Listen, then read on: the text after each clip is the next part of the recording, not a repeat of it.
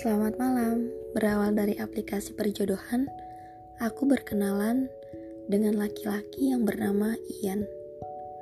Dan berlanjut lewat chatting WhatsApp. Tiga hari berlalu, kita saling membalas pesan via WhatsApp. Dan pada akhirnya, aku memutuskan untuk menelponnya. Karena aku malas untuk basa-basi lagi. Dan dari situ kita saling bertukar pesan ataupun cerita.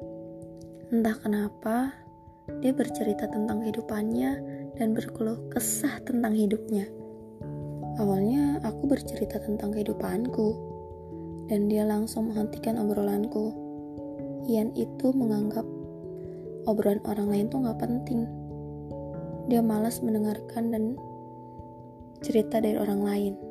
Awalnya, aku menganggap dia egois, sangat egois. Tapi setelah aku tahu ceritanya dan tahu alasannya, aku mengerti kenapa dia seperti itu. Dan menurutku, dia tidak selamanya egois.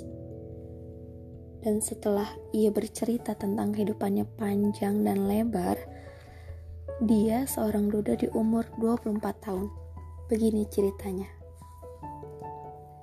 Ketika dia di bangku kuliah di umur 21 tahun, dia berpacaran dengan salah satu mahasiswi teman satu kampusnya yang bernama Rini. Dan gaya berpacarannya pun memang melebihi batas normal. Hingga suatu hari, si Rini pun mengungkapkan apa yang terjadi kepadanya. Ian, gue hamil. Dan Ian pun berpikir sejenak tanpa banyak bicara, ia pun berkata, oke, okay, gue akan tanggung jawab. Tidak lama kemudian, Ian mengadu ke keluarganya bahwa ia menghamili pacarnya. Satu minggu kemudian, Ian pun menikah dengan Rini. Teman dan sahabat-sahabatnya ikut menghadirinya. Teman Ian berbisik ke Ian. Ian, kok gak kelihatan sih si Rini hamil? Kata Ian, au, gue juga udah cek sih, tapi emang dia hamil. Temannya pun menjawab, oh mungkin karena badan dia kecil kali ya. Ya mungkin.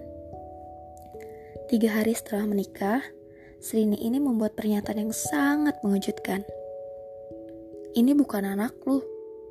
Mendengar perkataan itu, Ian seperti disambar petir yang seketika lemas.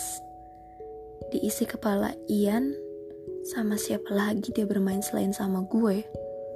Dan akhirnya ia memutuskan untuk cek ke bidan dan ternyata dia sudah hamil 7 bulan. Astaga, selama mereka pacaran ternyata Ian tidak sadar bahwa si Rini ini sudah dalam keadaan hamil. Dan Ian akhirnya memutuskan untuk menerima Rini sebagai istrinya. Walaupun Ian memakan getah dari orang lain. Karena dia berpikir dia akan berubah dan bisa menata kembali dengannya. Masalah ini Ian hanya pendam dan ditelan sendiri tanpa kedua orang tuanya tahu bahkan dari keluarganya pun. Masuk di tahun ketiga pernikahannya, ternyata Rini masih tidak berubah. Dia cuek, sering melawan kepada suami, tidak pernah mengurusi suaminya.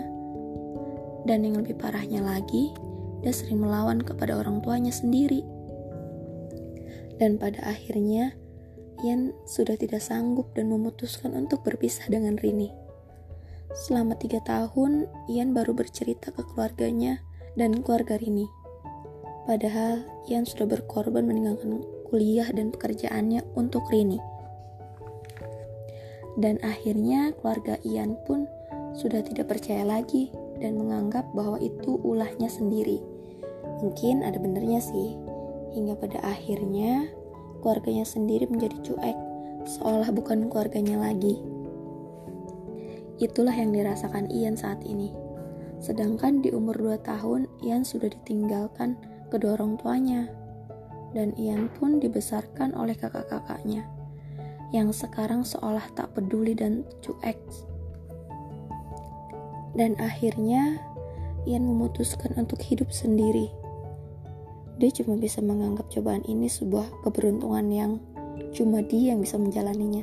Emang betul, karena dia percaya bahwa Tuhan kasih kekuatan kepadanya walaupun mempunyai masalah yang sangat berat. Setelah satu tahun bercerai, dia dekat dengan wanita yang bisa menerima masa lalunya dan selalu ada buat dia. Tapi takdir berkata lain. Dia yang diharapkan menikah dengan orang lain. Akhirnya, Ian mulai berpetualang lagi dengan menjajaki wanita dan jadi pelampiasan nafsu dan amarahnya. Dan yang ia dapat pun tidak ada yang serius dengannya. Bisa jadi karena penghasilan dia yang dibilang sedikit dan di titik itu dia dipertemukan dengan sahabat lamanya dan dia mulai berhenti menjadi cowok brengsek karena dia mau terima apa adanya mau menata ulang lagi. Dan lagi-lagi ternyata dia menikah dengan orang lain. Memang jodoh ke jodoh kematian tidak ada yang tahu. Walau bagaimanapun kita wajib berikhtiar sih. Walaupun ya kadang kita harus jatuh dan jatuh lagi hingga pada akhirnya kita bisa sampai di tujuan di waktu yang tepat pastinya. Percaya deh skenario Tuhan itu lebih baik dari skenario manusia. Dan dia pun masih mencari pendamping sampai saat ini. Dan dia ingin bertobat. Menurut aku dari cerita Ian ini memang kita nggak ada yang sempurna sih. Sampai kapan pun dan gak bakal nemuin yang sempurna. Karena mau jadi ini bahkan kita tuh harus terima apa adanya. Karena kesempurnaan itu nggak ada. Kita bisa sempurna itu bukan karena sempurna sih. Jadi mau menerima kekurangan masing-masing pasangan. Kenapa aku mau jadi ini bahan podcast? Karena sebrengsek apa pun dia akan selalu ada sisi baik yang dapat kita ambil karena aku selalu punya prinsip ambil yang baik buang yang buruk. Dan mau dari mulut siapa pun kebaikan itu aku akan menerimanya. Dan dari cerita ini ini benar-benar terjadi dan nyata. Semoga kita semua bisa ambil pelajarannya dan hikmahnya. Dan tentunya si pemilik cerita ini sudah mengizinkan untuk diceritakan di podcast aku. So, teman-teman, aku berharap kita bisa dapat am kita bisa ambil hikmahnya. Yang terjadi biar yang terjadi, kita nggak perlu lihat ke belakang lagi. Kalau mau menatap masa depan bareng-bareng, ayo